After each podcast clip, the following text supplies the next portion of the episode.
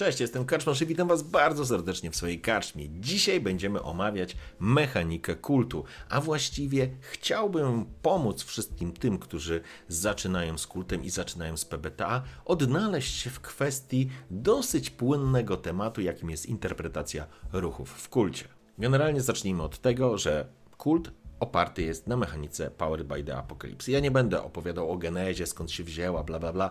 Jak chcecie, to sobie to wygooglacie. Istotne jest to, że musicie wiedzieć, jakim narzędziem mechanicznym jest PBTA. A PBTA jest zdecydowanie narzędziem, które wspiera narrację i historię i opowieść, którą chcecie stworzyć.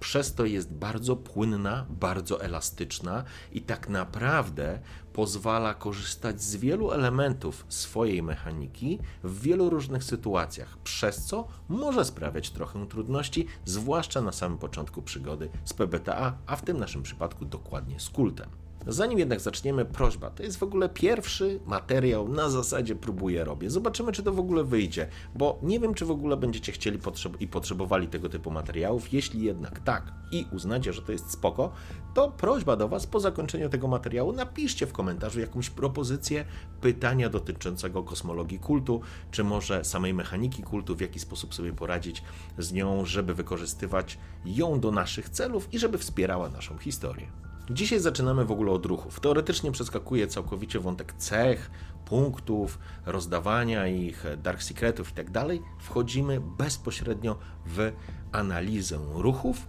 i opowiem Wam o tym, w jaki sposób ja do tego podchodzę i w jaki sposób ja interpretuję zapisy ruchów w kulcie. Co do zasady, wszystkie działania w ramach kultu i mechaniki PBTA opisane są ruchami, które są związane z poszczególnymi cechami, które, o których wcześniej mówiłem, które, którym przyporządkujecie odpowiednie cyfry, nakładając na cechy, które dla Was są najważniejsze, najwyższe wartości, a na te, które są mniej istotne, albo te, które nie charakteryzują Waszych bohaterów, nakładacie najmniejsze. Problem polega na tym, że w przypadku PBTA w kulcie mamy bardzo dużą różnorodność interpretacji tego, co się dzieje. Dzięki temu, z jednej strony, mamy bardzo elastyczne narzędzie, które pozwala nam budować samo, ono samo z siebie buduje sceny. Jeżeli macie scenę, wykonanie jakiegoś ruchu tak naprawdę dokłada Wam kolejne elementy układanki i możecie z prostego jednego testu, który no, był istotny, bo testujemy tylko rzeczy, które są istotne i które mogą nam nie wyjść. Pamiętajmy o tym, a nie rzucamy byleby rzucać. Mamy sytuację, w której ona może się rozwinąć w kierunku, którego w ogóle nie zaplanowaliśmy i nagle się okazuje, że z małej scenki tworzy nam się całkiem ciekawy content, który tworzy się na naszych oczach i my, jako mistrzowie gry, musimy reagować i wyciągać z tego co najciekawsze. I teoretycznie można powiedzieć, ej stary, ale każdy rzut się interpretuje bez względu na mechanikę i właściwie o, w czym jest problem? No, problem polega na tym, że PBTA jest, tak jak powiedziałem, dosyć, no to jest taka ciecz ona się dopasowuje do sytuacji. Ona nie jest twarda, to nie jest skała, to nie jest mechanika taktyczna, nie jest mechanika taka bardzo mocno określająca każde działanie i opisująca każdy dodatkowy punkt. Nie, to raczej jest rama, to raczej jest, mówię, taka ciecz, którą wlewacie w odpowiednie naczynie, którą jest wasza historia i wasz świat, i ona się dopasowuje bo możecie interpretować te ruchy na wiele różnych sposobów, przez co czasami jest to źródłem kłopotów, bo nie wiadomo jak interpretować, a czasami jest zbawieniem, bo pozwala osiągać niesamowite efekty, których nie jest w stanie przewidzieć nawet najbardziej rozbudowana mechanika. Sami wiecie, nie jestem fanem rozbudowanych mechanik, więc dla mnie im więcej mechanicznych rzeczy, modyfikatorów do zapamiętania, wyjątków od wyjątków i reguł od reguł, to tym gorzej, tym trudniej, tym mniej z mojego punktu widzenia ta mechanika dla mnie się nadaje, ale tak jak powiedziałem, nie ma lepszej i gorszej mechaniki, jest tylko mechanika, którą wy lubicie i która wspiera wasz rodzaj zabawy i taka, która tego nie robi albo robi w mniejszym zakresie. Wy decydujecie, jak chcecie grać. Wracamy do kultu. Pierwsza i najważniejsza rzecz, kiedy rzucacie test w przypadku kultu, korzystacie z dwóch kości K10, dodajecie modyfikator wynikający z Waszej cechy i mamy trzy możliwe wyniki. Na 15 plus jest automatyczny sukces, wszystko wyszło tak, jak sobie to zaplanowaliście. Na wyniku 10-14 macie częściowy sukces, to znaczy, że Wam coś wyszło, ale za jakimś dodatkowym kosztem. Musieliście zapłacić coś więcej. Coś się wydarzyło, czego nie chcielibyście, żeby się wydarzyło. Coś utrudniło, ale najważniejsze, udało Wam się zrobić to, co sobie zaplanowaliście. I mamy wynik 9 i mniej. To jest klapa, to jest mis, to jest pudło. Nie trafiliście, nie wyszło Wam i wówczas MG wykonuje ruch. I to jest kluczowe, ponieważ w kulcie rzucają tylko gracze. Nie rzuca praktycznie MG tylko na tym, jakie wyniki na kościach osiągają wasi gracze, MG interpretuje sytuację. I w momencie, kiedy pojawia się, że MG wykonuje ruch i wykonuje go zazwyczaj w sytuacji klopsa, kiedy wam nie wychodzi rzut, to znaczy, że mogę jako MG wprowadzić cokolwiek do sceny, co uznam, że tą scenę zbuduje, rozbuduje, jest konsekwencją waszych działań, oczywiście w negatywny sposób. Ważną rzeczą, o której trzeba pamiętać, jest to, że nawet w przypadku totalnego pudła, czyli w wyniku minus 9 i mniej, wcale nie zawsze musi to oznaczać, że wam nie wyszło. Pamiętajcie o tym. Dlatego wcześniej tak się rozgadywałem na początku, że to jest jak woda, że to nie jest takie ramowe, bo to jest właśnie PBTA. To jest bardzo dużo uzależnione od interpretacji, od sytuacji, od tego, w jakim momencie się dzieje rzut i, w, i co on tak naprawdę może oznaczać. Gracz może spudłować, a mistrz gry może uznać, że ten wynik mu, że ten test, który planował, to działanie, które planował zrobić, mu wyszło pomimo beznadziejnego rzutu. Ale, i to ale jest kluczowe, ponieważ to ale w sobie powinno skupiać wszystko, co najgorsze. Najgorszy możliwy wybór, utratę czegoś ważnego i cennego. Coś naprawdę dużego trzeba utracić, poświęcić w imię tego, że to wyszło. I to są naprawdę trudne i powinny być trudne, złośliwe, niefajne, brutalne, ciężkie wybory dla gracza, żeby on mógł ostatecznie osiągnąć ten sukces, ale za bardzo wysoką cenę. To jest jedna z alternatyw interpretacji rzutu, który nie wyszedł. A dlaczego tak jest? Ano dlatego, żeby choćby nie doprowadzać do sytuacji, że jeden prosty rzut przekreśla powodzenie całej kampanii, bo nagle się okazuje, że oni czegoś nie otworzą, a jak tego nie znajdą, to dalej nie pójdą. Więc to nie.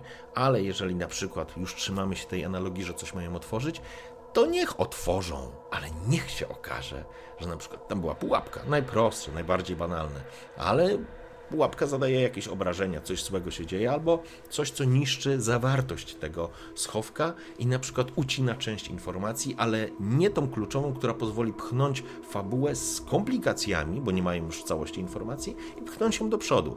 Pamiętajcie o tym, że interpretacja w PBTA, bez względu czy to jest kult, czy dowolny inny system, ale trzymajmy się kultu, interpretujemy i działamy i robimy rzuty po to, żeby pchnąć akcję do przodu, żeby wprowadzić coś ciekawego, żeby to nie były rzuty dla rzutów, dla idei, tylko po to, żeby skomplikować sytuację, żeby uczynić ją bardziej emocjonującą, żeby pchnąć tą historię w kierunku, którego może nikt nie zakładał, ale spowoduje to, że sama historia nabierze rumieńców i stanie się ciekawszym rozwiązaniem. Zacznijmy jednak omawiać ruchy. Ja mam akurat wydrukowaną taką karteczkę, to jest y, z tego, co Alice przygotowało z archetypów postaci. Takie coś oczywiście znajduje się w Waszych książkach, możecie sobie to wydrukować, nie ma żadnego problemu. Mi to jest po prostu dużo wygodniejsze właśnie choćby na podstawę tego, e, tego opracowania. I teraz zaczniemy może od walki. Walka wzbudza najwięcej emocji, jakby na niej budujemy wiele różnych elementów, które mm, pozwalają nam ocenić, jak ta mechanika tak naprawdę działa. Zatem w przypadku kultu i walki, no walka jest no powiedziałbym, nie najważniejszym elementem kultu. No, istoty, z którymi spotykamy się w kulcie, są tak potężne, że walka z nimi jest prawie od razu skazana na porażkę, ale oczywiście nie tylko o potworach jest kult, więc możecie walczyć z innymi ludźmi, z innymi przeciwnikami, którzy mogą być w waszym zasięgu. Niemniej jednak, jak do tego podejść? W przypadku kultu mamy trzy, właściwie cztery ruchy, które można podpiąć pod walkę. I to już zaczyna być nieco skomplikowane. Ej, dlaczego cztery? Jest tylko jedna cecha przemoc, więc wszystko powinno być ok. Już tłumaczę, już objaśnię.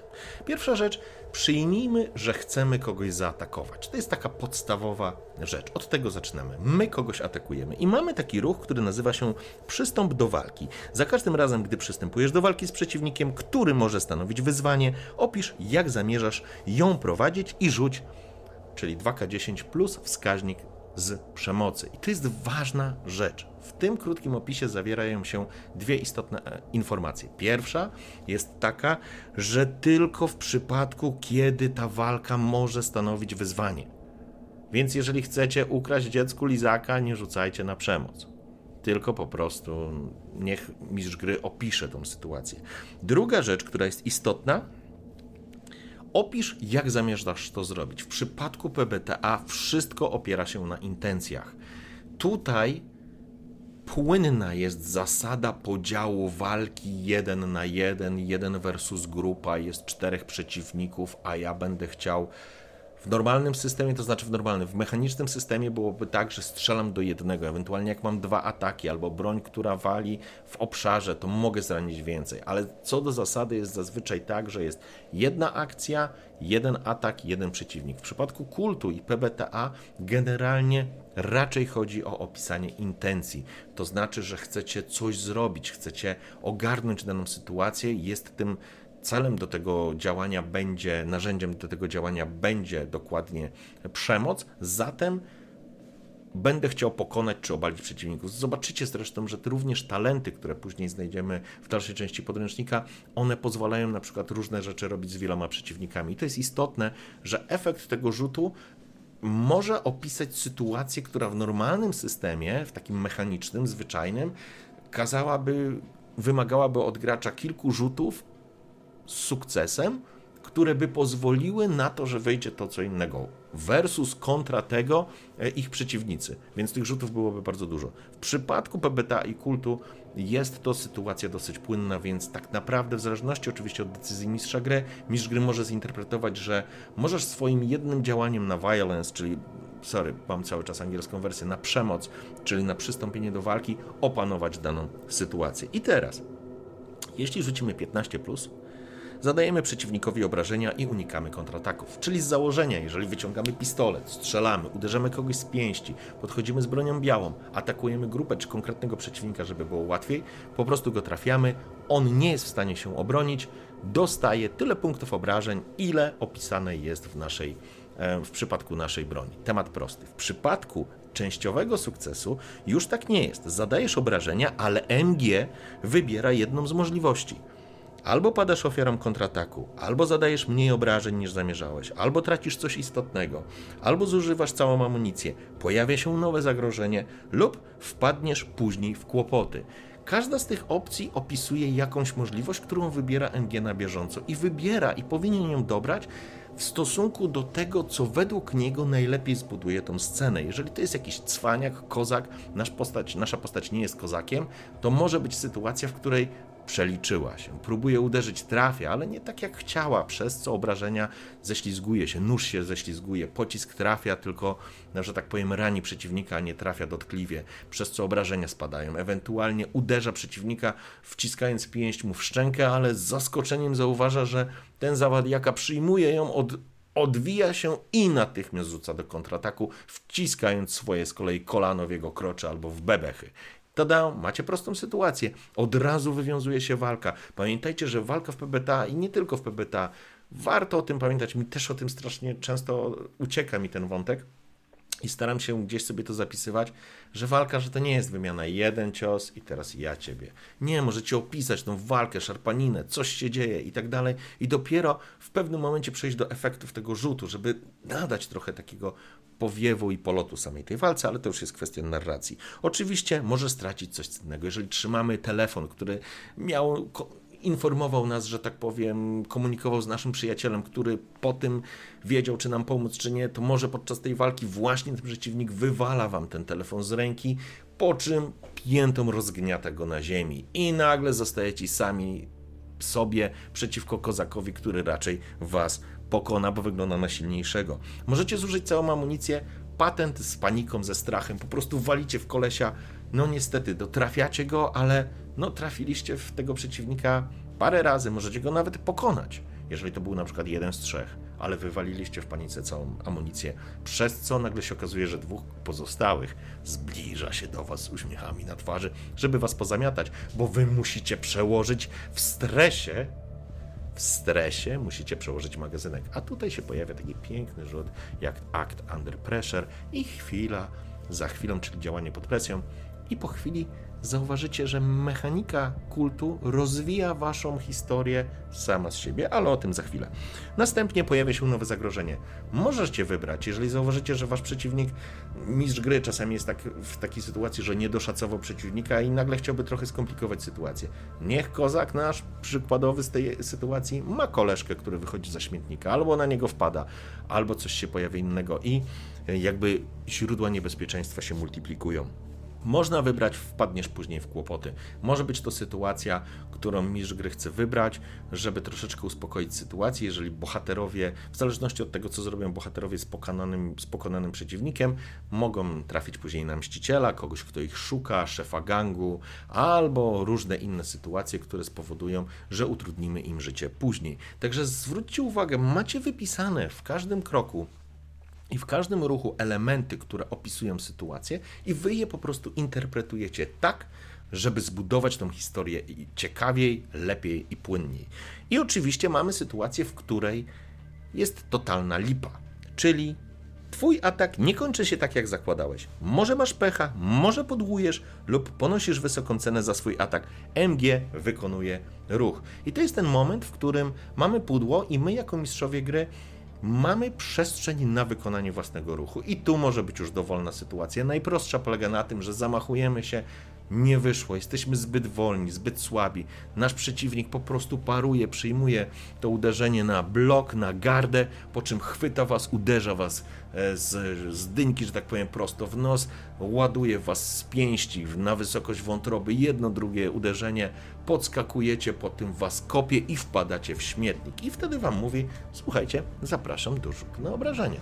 To może być taka sytuacja, może być jeszcze inna sytuacja. Wszystko w zależności od tego, jaką macie scenę, nie? Bo jeżeli to są gracze, na przykład jest trzech graczy i jeden jest wyrywny i się rzuca, żeby tam walczyć, to ja bym na przykład, żeby utrudnić sytuację, ja bym wiedział, że mój BN jest w gorszej sytuacji, bo jest sam, takiego wyrywnego, który leciał, o, zabiłeś mi siostrę, bam, no i mamy sytuację, co się dzieje, ale zamiast go okładać, on go po prostu obraca, chwyta gdzieś za szyję i przykłada mu nóż do gardła. I po czym rzecze jego towarzyszom wypierdzielać, bo będzie miał wasz koleżka dodatkowy uśmiech. Od razu budujecie sytuację, która buduje, mechanika buduje wam scenę. Bo teraz co zrobią gracze? To był może zwyczajny bandzior, a nasz gracz po prostu miał pecha. Ale wam już mechanika po prostu podsuwa rozwiązania i kolejne sceny. Podsumowując, jeżeli przystępujecie do walki, wasz, wasi bohaterowie chcą się na kogoś rzucić, pozwalacie im po prostu za pomocą ruchu przystąp do walki. Ale mamy teraz sytuację, w której mamy dwa ruchy i one różnie mogą być interpretowane. Pierwszy ruch nazywa się uniknij obrażeń. I gdy wykonujesz unik, parujesz lub blokujesz obrażenia, rzuć, czyli 2K10 i dodaj swój wskaźnik od refleksu. I generalnie sam ruch opisuje, że przy pełnym sukcesie, czyli 15, całkowicie unikacie obrażeń. Przy 10-14 unikasz najgorszego, ale MG decyduje, czy znalazłeś się w niekorzystnym położeniu, tracisz może coś lub otrzymujesz część obrażeń. Analogiczna sytuacja, ale odwrotna do tego, co było w przystąp do ataku, tylko że z drugiej strony. No i dziewiątka i poniżej zareagowałeś zbyt wolno lub źle oceniłeś sytuację. Być może w ogóle nie udało ci się uniknąć obrażeń lub jesteś w jeszcze gorszym położeniu niż wcześniej. MG wykonuje ruch. I to jest sytuacja, w której, jeżeli mamy tą walkę z tym naszym kozakiem przykładowym, to ja bym pozwolił zrobić uniknij obrażeń, gdyby się okazało, że to nasz kozak właśnie teraz przechodzi do kontry, kontry, która nie wynika z częściowego sukcesu na przystąp do walki, tylko kontry, która wynika jakby z jego ruchu, z jego działania. On po prostu się rzuca, zakładając, że nasz mm, gracz po prostu zaatakował, uderzył go raz i teraz po prostu wychodzi sytuacja, w której tamten go atakuje. Dostaje po prostu jakieś uderzenie, dostaje jakieś pchnięcie, cokolwiek. On wyciąga nóż i na przykład będzie próbował go dziabnąć, nie? I wtedy w przypadku walki wręcz pozwoliłbym rzucać na unikanie obrażeń. Jeżeli coś w mojej opinii, ja to tak interpretuję. Jeżeli jest sytuacja, w której mam uniknąć tych obrażeń, ale je widzę i, i mam szansę zareagować, to wtedy rzucałbym na ten refleks, na unikanie obrażeń. Jeżeli ktoś by do mnie mierzył z pistoletu, to Mamy już tutaj sytuację drugą, bo podręcznik wskazuje, że w takich działaniach może być act under pressure, czyli działanie pod presją. I to jest zupełnie inna statystyka, nie oparta na refleksie, więc sytuacji, w której na przykład wasza postać miałaby przebiec przez dziedziniec i będzie ostrzeliwana z kilku miejsc, to bym nie rzucał na unikanie obrażeń, bo to nie jest unikanie obrażeń, to nie jest to nie jest, że tak powiem, zaplanowane strategiczne przeskakiwanie z punktu do punktu, osłaniając się, bo mamy jedno źródło ognia, tylko to jest już kwestia oczywiście waszej interpretacji, ale ja bym to interpretował w ten sposób, że on nie może unikać, e, unikając w taki sposób stricte, tylko działa pod presją. Wie, że jest ostrzeliwany i po prostu ucieka, starając się uchylić przed tymi kulami, gdzieś się chować po, po jakichś kątach i wtedy rzuca na act under pressure. To jest ta sytuacja, w której możecie się gubić, to znaczy wy, osoby, które zaczynają, mogą się gubić. No bo ja bym rzucił na unikanie obrażeń, a ja bym rzucił na act under pressure. Ostatnie, ostatecznie, pamiętajcie, decyduje mistrz gry i tak naprawdę on decyduje, w jaki sposób, jaki ruch będzie najlepiej pasował do danej sytuacji. Bo oczywiście ktoś może powiedzieć, ej, ale jeżeli jestem wyszkolonym weteranem i widzę, że ktoś we mnie wali, to ja wiem, gdzie mam unikać, ja będę się rzucał na poziomie refleksu.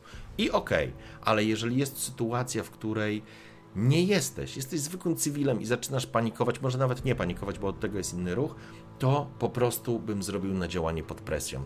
Jesteś tak przytłoczony tą sytuacją, presją czasu, presją przeciwnika i zagrożenia życia, że po prostu lecisz trochę na zasadzie, czy ci się uda ogarnąć, czy ci się nie uda ogarnąć i wykonasz to, co masz e, wykonać. W przypadku unikania obrażeń, jak to interpretować i opisywać? Oczywiście, jeżeli ktoś unika całkowicie obrażeń, no prost, jest prosta sprawa. Czy ktoś do ciebie strzelał? Czy udało ci się gdzieś uskoczyć, wskoczyć za jakąś ochronę, osłonę, albo udało ci się, nie wiem, zablokować, uniknąć ciosu nadchodzącego? Sprawa jest banalna. Jeśli mamy częściowy sukces, no to udaje nam się to zrobić. Ostatecznie nic złego się nie dzieje, ale częściowo koszt ponosimy. Czy to będą na przykład, na przykład zmniejszone obrażenia obrazujące tylko na przykład draśnięcie, albo cięcie, które przeszło obok, ale jednak nas zahaczyło, albo kula, albo na przykład podobnie jak w przypadku przystąpienia do walki i tego częściowego sukcesu, możemy coś stracić, ktoś na przykład może nam wybić broń z ręki, ewentualnie możemy znaleźć się w niekorzystnym położeniu, co oznacza, że podczas walki i szamotania ktoś próbował pchnąć czy pchnąć nas nożem, udaje nam się odskoczyć, ale przez to, że zrobiliśmy to w ten sposób, wchodzimy na przykład na niestabilny grunt albo jesteśmy na zboczu, które zaczyna się suwać, gdzie jest żwirowisko jakieś i zaczynamy się suwać i tracić równowagę. To jest przykład, w jaki sposób bym zinterpretował to gorsze położenie. Natomiast jeżeli zdecydowanie byliśmy za wolni, nie udało nam się, no to mamy jasną sytuację wykonuje znowu mistrz gry swój ruch. Zazwyczaj będzie to ruch, który będzie oznaczał przyjęcie zestawu obrażeń na klatę gracza. Tylko tutaj daję Wam jedną rzecz, o której powinniście pamiętać. To jeszcze nie koniec walki, bo jeśli nasz bohater nie uniknie obrażeń czy zagrożenia, to dostanie w papę. Ale jak mocno dostanie, określi nam dopiero rzut znieść obrażenia. Jest dwupoziomowa ochrona tak naprawdę gracza przed tym, zanim on dostanie w papę. Ale z drugiej strony kult pozwala nam przyjąć cztery podstawowe poziomy obrażeń, tak zwane poważne obrażenia i później jedną krytyczną, bo już nie może wybrać drugiej krytycznej, więc albo po prostu umiera, albo albo, albo tam po prostu jest wyeliminowany w momencie, kiedy nie może nic innego ze sobą zrobić. Dlatego jest to zabezpieczenie. I znieść obrażenia to jest sytuacja, gdy znosisz obrażenia, rzucasz 2K10 plus odporność minus obrażenia. Jeśli nosisz pancerz, dodaj jego wartość do rzutu. Ja wiem, że tutaj jest dużo informacji i można by powiedzieć, że są nieco skomplikowane, ale one są stosunkowo łatwe do przeliczenia. Po pierwsze, rzucacie 2K10, tak jak jak Demiurg przykazał. Później dodajecie wskaźnik ze swojej cechy e, wytrzymałość do tego rzutu. Następnie od tego rzutu odejmujecie poziom obrażeń. Tu jest ważna rzecz, że jakby ktoś zadaje wam obrażenia, bodajże nóż ma dwa poziomy obrażeń, to od wyniku odejmujecie dwa, no bo im mniejszy będzie ten wynik, tym w większych tarapatach będziecie. Stąd obrażenia to jest bardzo ważne. Nie oznaczają, ile ran zadaje wasz, wasza broń czy wasze, wasze uderzenie. to jest takie mylące na początku. Ja miałem z tym na początku spory kłopot, bo jak czytałem, że karabin tam strzela, strzelając z karabinu mamy powiedzmy 4 poziomy obrażeń, czy 3, to ja od razu już widziałem, że gracz uzyskuje 3 poziomy obrażeń poważnych. Z automatu mu zbijamy tego HPK, natomiast realnie nie oznacza to tego. Oznacza to o ile pomniejszacie ten wynik. I od tego wyniku zależy, jaki rodzaj obrażeń nasz bohater przyjmie. Oczywiście, jeśli mamy jakikolwiek pancerz, dodajemy wartość pancerza do tego rzutu. W ten sposób podbijamy sobie wartość wyniku. I teraz, jeżeli rzucicie piętnastkę i więcej, to całkowicie ignorujecie obrażenia. To znaczy, że cios doszedł, że pchnięcie poszło, ale możecie tutaj jest największe pole do manewru dla mistrza gry i chyba najtrudniejsze.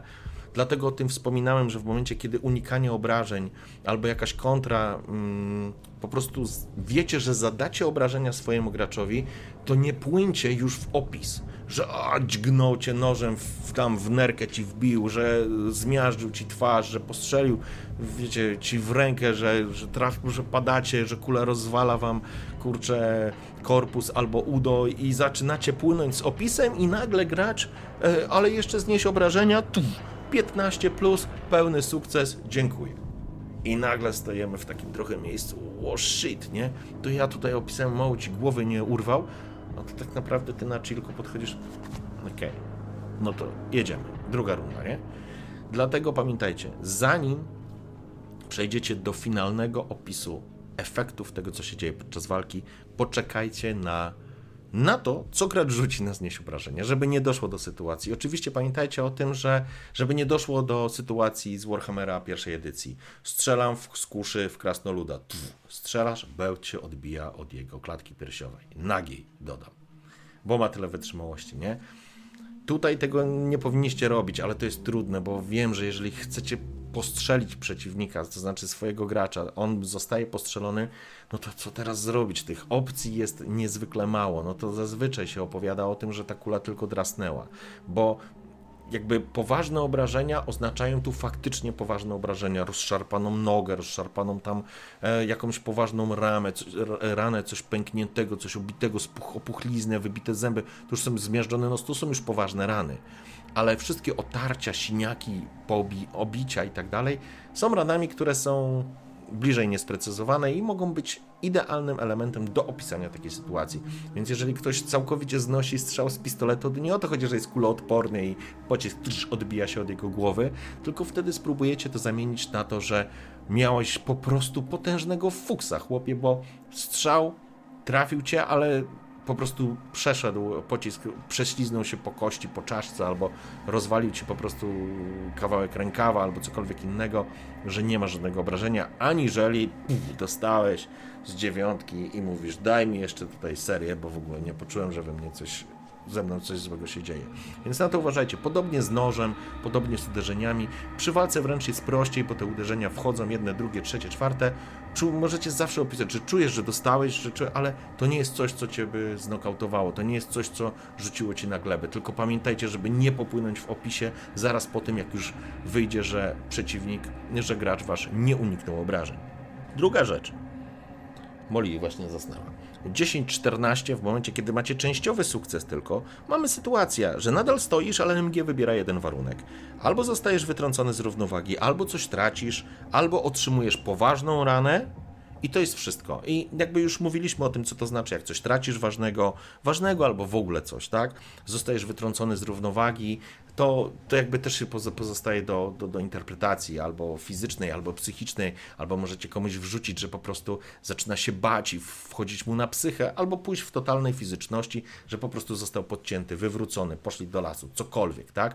Że chciał uniknąć tego ciosu i po prostu rzucił się na szczupaka i przez to leży na glebie, krótko mówiąc, nie? I tyle.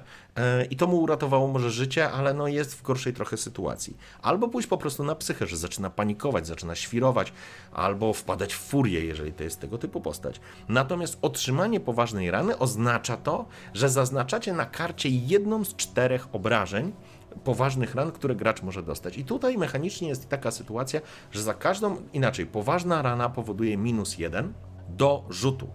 I jeżeli macie cztery poważne rany, to dalej oznacza to, że to jest minus jeden. I co zrobić z poważnymi ranami? Za chwileczkę do tego dojdę, tylko przejdę jeszcze do tego, co się dzieje przy totalnym pechu, czyli w momencie, kiedy wam nie wychodzi. Obrażenia są przytłaczające, dlatego wybierasz. Zostajesz ogłuszony. MG może również zdecydować, że otrzymujesz dodatkowo poważną ranę. Otrzymujesz krytyczną ranę, ale możesz nadal działać, jeśli, przepraszam, ale możesz nadal działać, jeśli już masz krytyczną ranę, nie możesz wybrać jej ponownie. I ostatnia opcja, umierasz. Jak widzicie, specjalnie dużo wyboru nie ma, ale oznacza to, że w najgorszym wypadku możecie wy wyczaić pierwszą krytyczną ranę, a później powiedzieć, że tracicie przytomność i po prostu odpadacie. Tracicie kontakt ze światem i wtedy, w zależności od sceny i mistrza gry, najczęściej może to się skończyć śmiercią, ale nawet sam podręcznik sugeruje, i zresztą ja również, bo apeluję o tym, że zabijanie graczy jest. Ja wiem, że jest bardzo proste i, i, i, można ich zabić, ale to nie o to chodzi. Można wymyślić 100 tysięcy różnych ciekawszych rzeczy niż zabicie bohatera. Więc nawet tak jak podręcznik mówi, jeżeli on stracił przytomność w walce z bestią, niech ona ją gdzieś w jakimś kokonie zostawi. Na później. Dajcie mu szansę trochę powalczyć o życie. Jeżeli to jest gangus, niech go zaciągną do jakiejś meliny i przywiążą do krzesła. Niech się trochę nad nim popastwią, ale z drugiej strony nie zabijacie postaci, dajecie mu tej postaci i bohaterowi szansę na przetrwanie tego, tej sytuacji. I teraz w momencie, kiedy wybieracie inaczej, nawet nie wy wybieracie, wybiera to gracz, bo to wybiera gracz. Jeżeli umiera, no to umiera, ale wtedy przy decyzji o śmierci dajcie graczowi zrobić jakąś fajną taką akcję, żeby to, żeby żeby ten moment był faktycznie w jakiś sposób, choćby minimalnie epicki, bo to jest zawsze ważny moment, kiedy bohater gracz decyduje o śmierci swojego bohatera, żeby to nie było takie, dobra, umierasz, tu padasz, koniec. Nie? No to takie można, pewnie najbardziej realna sytuacja. Niemniej jednak pozbawiona tego, tego czegoś, przynajmniej w mojej opinii. Zatem wracając do ran, bo to może jeszcze powodować trochę kłopotów w przypadku interpretacji systemu. Tak jak powiedziałem, możecie dostać cztery podstawowe poważne rany, później wchodzicie w krytyczne. Macie jedną poziom krytyczną i później już cześć. To już jest zgon nie ma już nic. W momencie, kiedy macie i krytyczną, i poważną, dostajecie minus dwa modyfikator. Jest coś takiego jak opatrywanie ran. Można to zrobić, rzuca się to wówczas na Act Under Pressure i jeżeli się wychodzi, to udaje się opatrzeć ranę. Co to oznacza? Oznacza mechanicznie, że wskaźnik minus jeden znika, ale jeżeli macie cztery rany poważne, to musicie opatrzyć każdą z tych ran, żeby ona nie wpływała na wskaźnik minus jeden. Istotnym elementem jest to, że opatrzona rana nie oznacza, że ta rana znika. Że skoro mam rozszarpane udo, bo ktoś mi wygryzł kawał mięcha albo wyrwał, to teraz ktoś przyjdzie z dermosprayem, trz, popsika i jest git i masz już, możesz przyjąć kolejną poważną ranę. Absolutnie nie. Kult jest w tym elemencie dosyć śmiertelny, to znaczy, że dopiero po opatrzeniu rany rozpoczyna się proces gojenia. To oznacza, że w zależności od logiki sytuacji i rodzaju rany, to będzie trwało. Fakt, że została opatrzona, oznacza, że znika minus jeden przy tej ranie. Ale jeśli macie trzy rany i została opatrzona tylko jedna, to dalej macie dwie nieopatrzone i to oznacza, że każda z nich wpływa na wskaźnik minus jeden, tylko tu się ich nie sumuje, po prostu jest minus jeden. I tyle. Opatrzenie drugiej pozostaje ostatnią, i ta trzecia dalej Wam osłabia na minus jeden Wasz wynik. Jeżeli macie i krytyczne, i poważne, to macie za poważne minus jeden, za krytyczną również minus jeden. W przypadku krytycznej to to już jest bardzo poważna rana. To, to, to już się, jeszcze w przypadku poważnych ran można tam wodą albo generalnie alkoholem, albo przeciwbólami powalczyć i wyłączyć wskaźnik, ten modyfikator minus jeden, odroczyć go do końca sceny. W przypadku krytycznych ran już takich możliwości nie macie i, i to już faktycznie jest sytuacja, w której należy wsiadać do karetki i jechać, bo macie zdruzgocony kręgosłup, e, bebechy na wierzchu, e, ktoś was postrzelił i po prostu krytyczna rana w tym systemie oznacza, że ona jest faktycznie krytyczna, że ona pozwala, że coś tam jeszcze próbujecie zrobić, ale, ale to już jest naprawdę, to są minuty w zależności od rodzaju obrażeń, na to, żebyście coś z tym zrobili, no albo będziecie wybierać po prostu śmierć. Pierwotnie chciałem opowiedzieć o wszystkich ruchach, ale widzę po czasie, że to, że to się nie nada. Nie nada, więc jeżeli będzie dla Was ok i uznacie, że taki materiał jest fajny, to po prostu nagram kolejny odcinek o innych ruchach, ale na koniec zamkniemy, zamkniemy to wszystko naszym bardzo fajnym ruchem, czyli działanie pod presją które oznacza za każdym razem, gdy robisz coś ryzykownego pod presją czasu i uwaga, lub usiłujesz uniknąć zagrożenia, MG opisuje konsekwencje potencjalnej porażki, a ty rzucasz 2K10 plus opanowanie. I to jest właśnie ten element, który poruszyłem przy unikaniu obrażeń. Act Under Pressure może być elementem, który będę stosował zamiennie do unikania obrażeń. Tak jak powiedziałem, jeżeli jest sytuacja, w której nasz bohater musi przedostać się przez jakąś e, zadymę, jest jakaś zadyma w knajpie, wszyscy się leją, strzelają do siebie, rzucają nożami, to absolutnie nie chciałbym, żeby rzucał e, bohater na unikanie obrażeń, bo on nie jest ninją.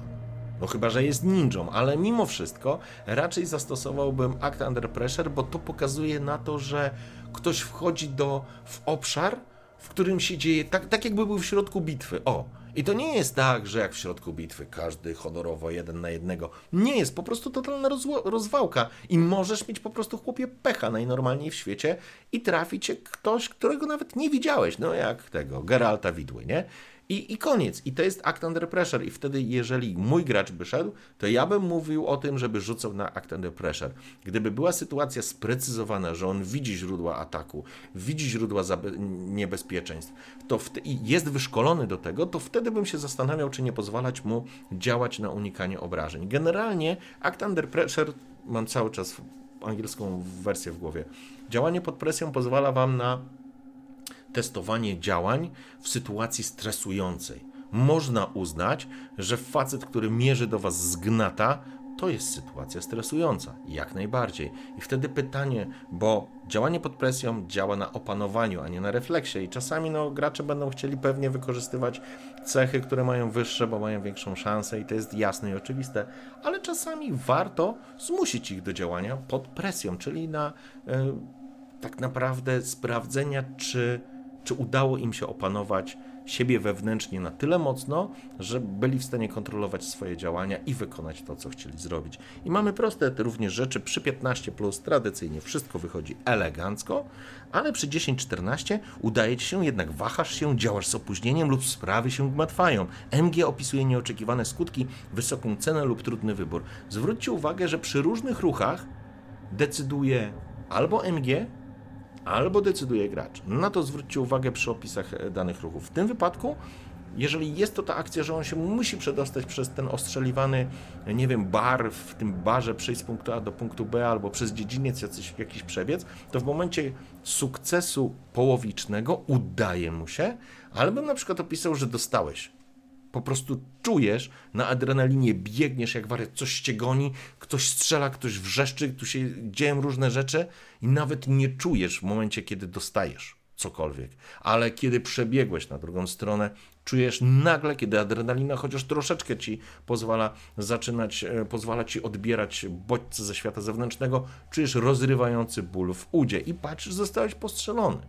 Znowu, zanim zaczniecie opisywać, jak ta rana mu tam miażdży, zmiażdżone kości w ogóle, to dajcie mu szansę na znieść obrażenia. Bo jak się okaże, że on znosi je na chillku na 15+, plus, no to wtedy musicie wasz opis dostosować do tego, e, co on wyrzucił, gracz, tak? Czyli w tym wypadku no, zostałeś draśnięty, albo przecięty, albo jakieś ostrze poszło, albo ktoś czymś rzucił, whatever, po prostu coś się tam wydarzyło. Ewentualnie możecie zawsze powiedzieć, że coś zgubił podczas tego biegu, był tak udało mu się, ale celem było przeżycie, a nie to, żeby utrzymać ten cholerny telefon w ręku, który wypadł.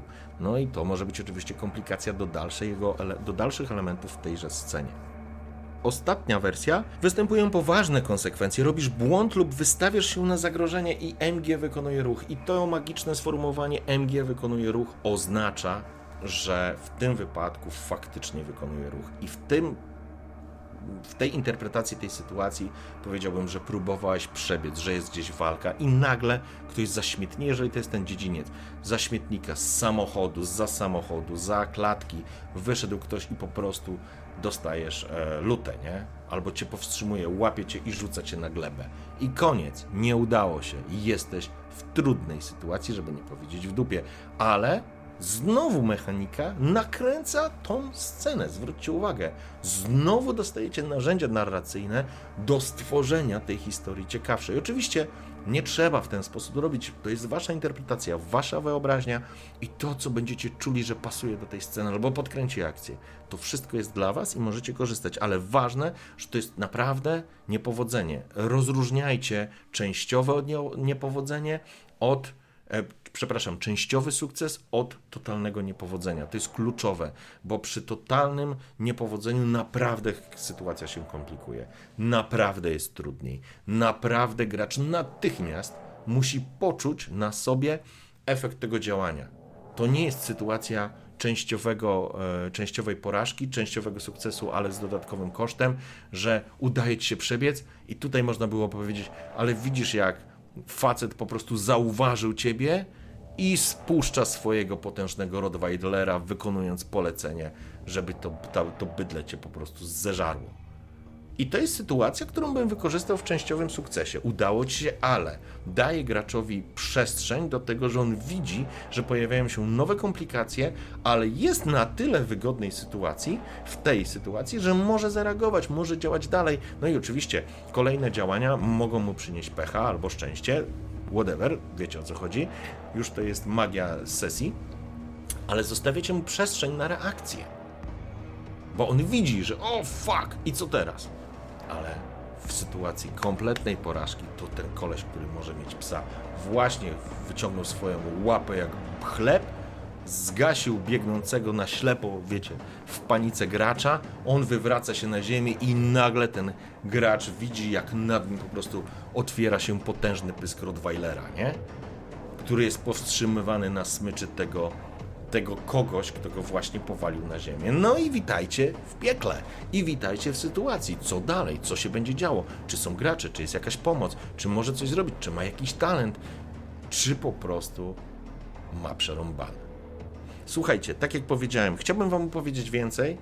To są moje interpretacje, to jest tak, jak ja do tego podchodzę. Czy to jest jedyny słuszny sposób? Pewnie nie. Starałem się e, interpretować i działać wraz e, i z myślą zasad, które są zawarte w podręczniku, więc tu nie ma home rulesów, przynajmniej tak mi się wydaje ale pozwala Wam zrozumieć nieco, w jaki sposób podchodzić do tej mechaniki w kulcie, jak ją interpretować i dlaczego w ten sposób do tego podchodzić, a nie w inny, albo inaczej w ogóle jak do tego podejść, bo niektóre sytuacje, tak jak mówię, zależą od Waszej interpretacji, od pomysłu. Tylko pamiętajcie o jednej rzeczy, żeby zawsze z tyłu głowy mieć to, że rzut i efekt ruchu, który opisujecie, udanego, nieudanego, częściowo udanego, pchał tą akcję do przodu to jest wasze credo, które powinniście mieć z przodu przy korzystaniu z mechaniki kultu, bo tak jest PBTA. Ono buduje narrację, buduje tą historię.